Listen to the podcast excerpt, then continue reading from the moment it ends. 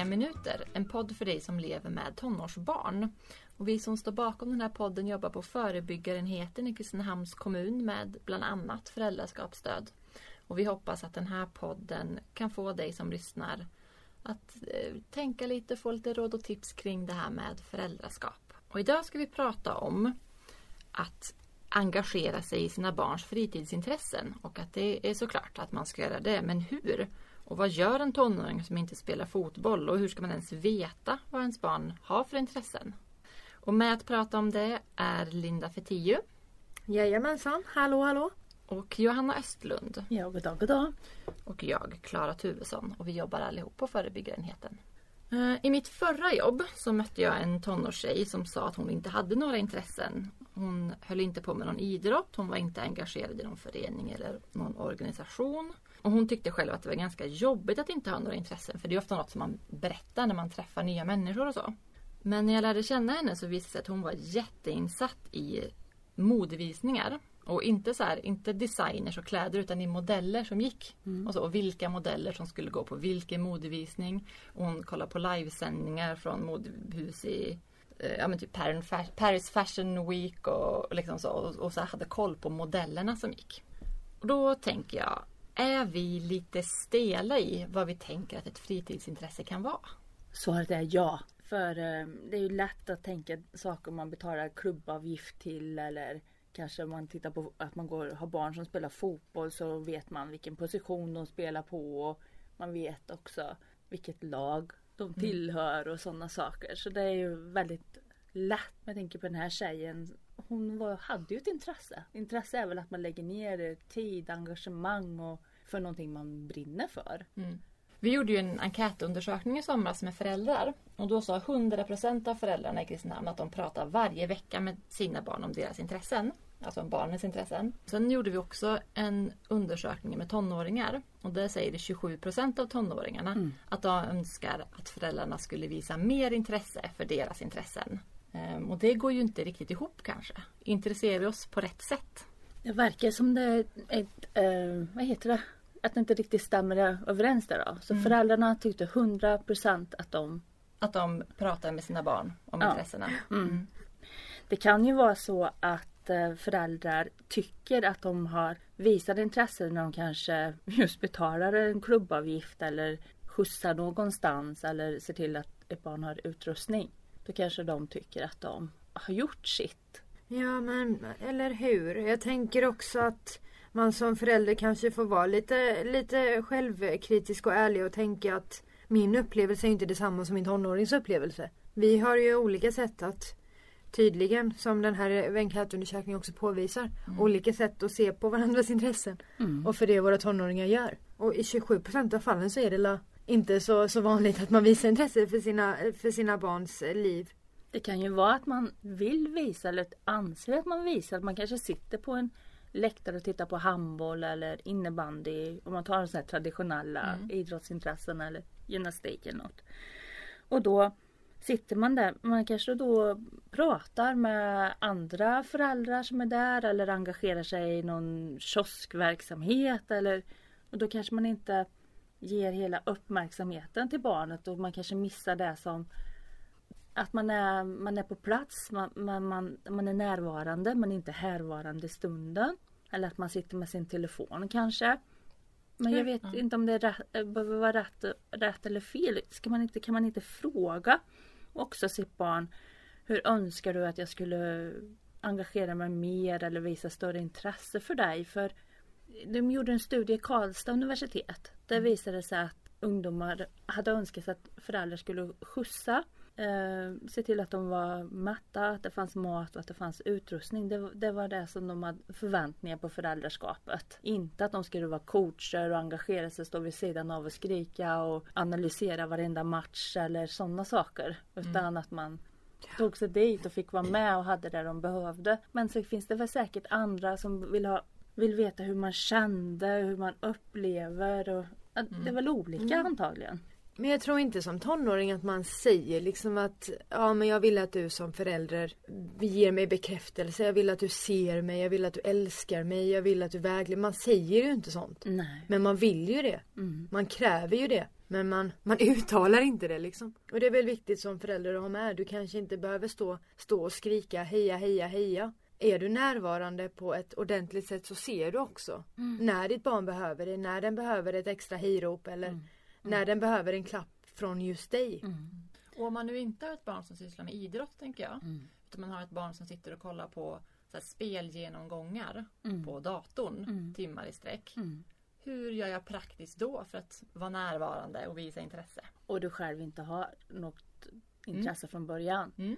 För det skiljer sig också. För det finns ju föräldrar som är jätteengagerade av och själva är gamers och spelar mycket och lägger mycket tid och Mm. utrustning på det Mm. också. Men har man inte, om man har helt ett vitt skilt intresse från sig Mm. själv. Så är det väl också att fråga ungen. Vad är det som är intressant med det här? Vad är spännande? Vad har du för mål? Vad önskar du?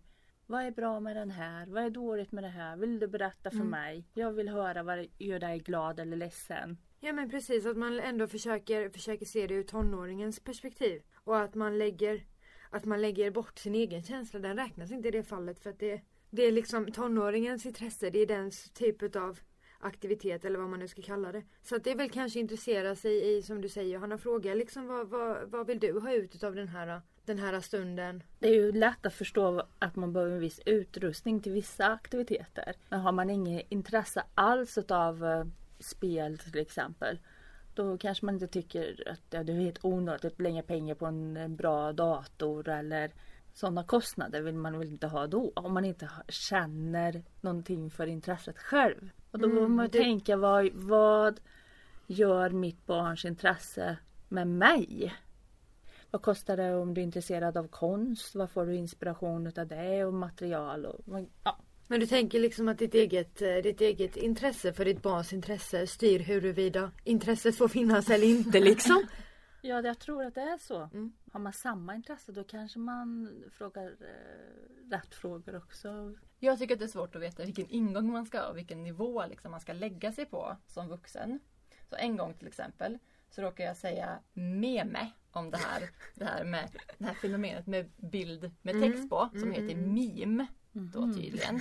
Ja, och blev jätte, jag hade bara sett det i text. Jag blev jätteutskrattad av en tonåring och tänkte så här, åh shit pinsamt. Och sen så har jag också hört ungdomar som pratar om, eller om vuxna som försöker prata tonårsspråk. Och att det är ju kanske det löjligaste de har hört. En vuxen som försöker hänga med. Alltså hur gör man för att inte vara för lite eller för mycket? Ja, men man kanske får vara lite töntig som vuxen. Samhället utvecklas, språket utvecklas och man hänger inte med. Och ibland så, Ibland säger man meme. ja, ibland. Ja, man får, man menar meme. ja, man får säga meme och man får säga att FF betyder föräldrafritt fast det egentligen betyder Fortnite fever. Det får man. För det, man kan inte liksom kunna allting. Men om du inte är intresserad det så får du liksom inte heller veta vad det egentligen betyder. Mm. Och hellre vara lite töntig än att vara jättefrånvarande. Skulle jag nog säga. Och sen är det väl inte helt konstigt att ens tonåring är expert och bättre på saker än en själv. Det får ju smärta in man inte är bäst. Man får lämna plats för en annan liksom. Ja. Men jag tänker att som, som tonåring är väl kanske både trevligt och upplyftande att en förälder har ett intresse och behöver, behöver fråga tonåringen någonting för det brukar alltid vara tvärtom. Nu får ju ändå tonåringen en möjlighet att liksom lyftas och, och känna sig behövd och viktig. Mm. Så det kanske kan vara en positiv sak. Och även om du kanske fattar, låtsas att du inte fattar. Och om man då tycker att det ens barn ägnar sig åt är helt obegripligt eller kanske till och med dåligt och farligt. Man kanske tycker att det spelar väldigt mycket dataspel på ett sätt som man inte alls kan förstå. Eller man tycker att man tittar på skräp-tv som man, man tycker det är jättedåligt. Vad gör man då? Man kanske kan kolla lite på sin egen oro. Om jag har belägg för att, den, att vara oro. Eh, göra en riskbedömning. Får det här intresset för mycket andra konsekvenser på livet? Det kan ju vara så att en del tränar för mycket, äter för lite, sover för lite. Eh, Att de här grundläggande behoven vi har, att de åsidosatts. Mm. åsidosätts. Om vardagen blir lidande liksom. Om ett intresse eller vad det nu än kan vara tar över.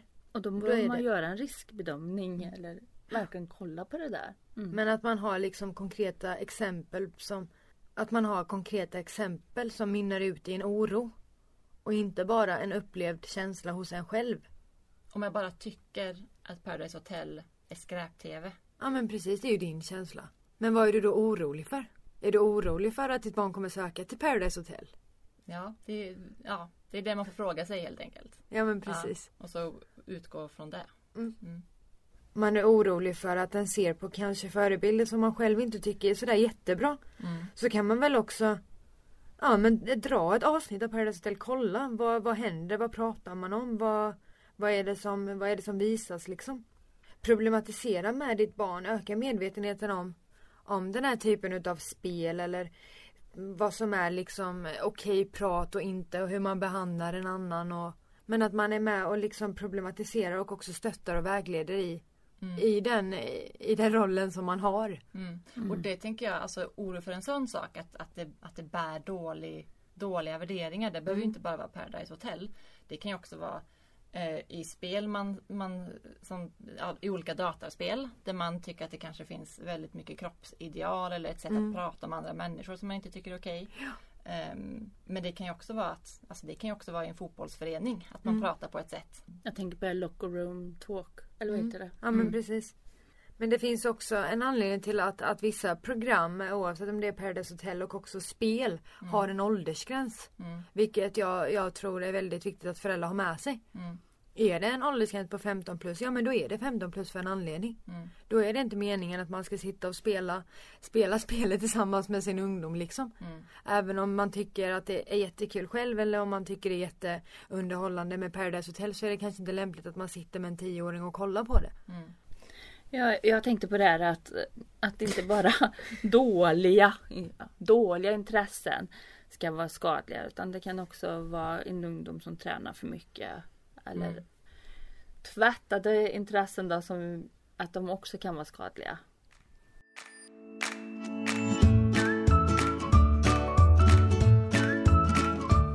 Idag har vi pratat om att intressera sig för vad ens barn intresserar sig för. Intresserar sig för.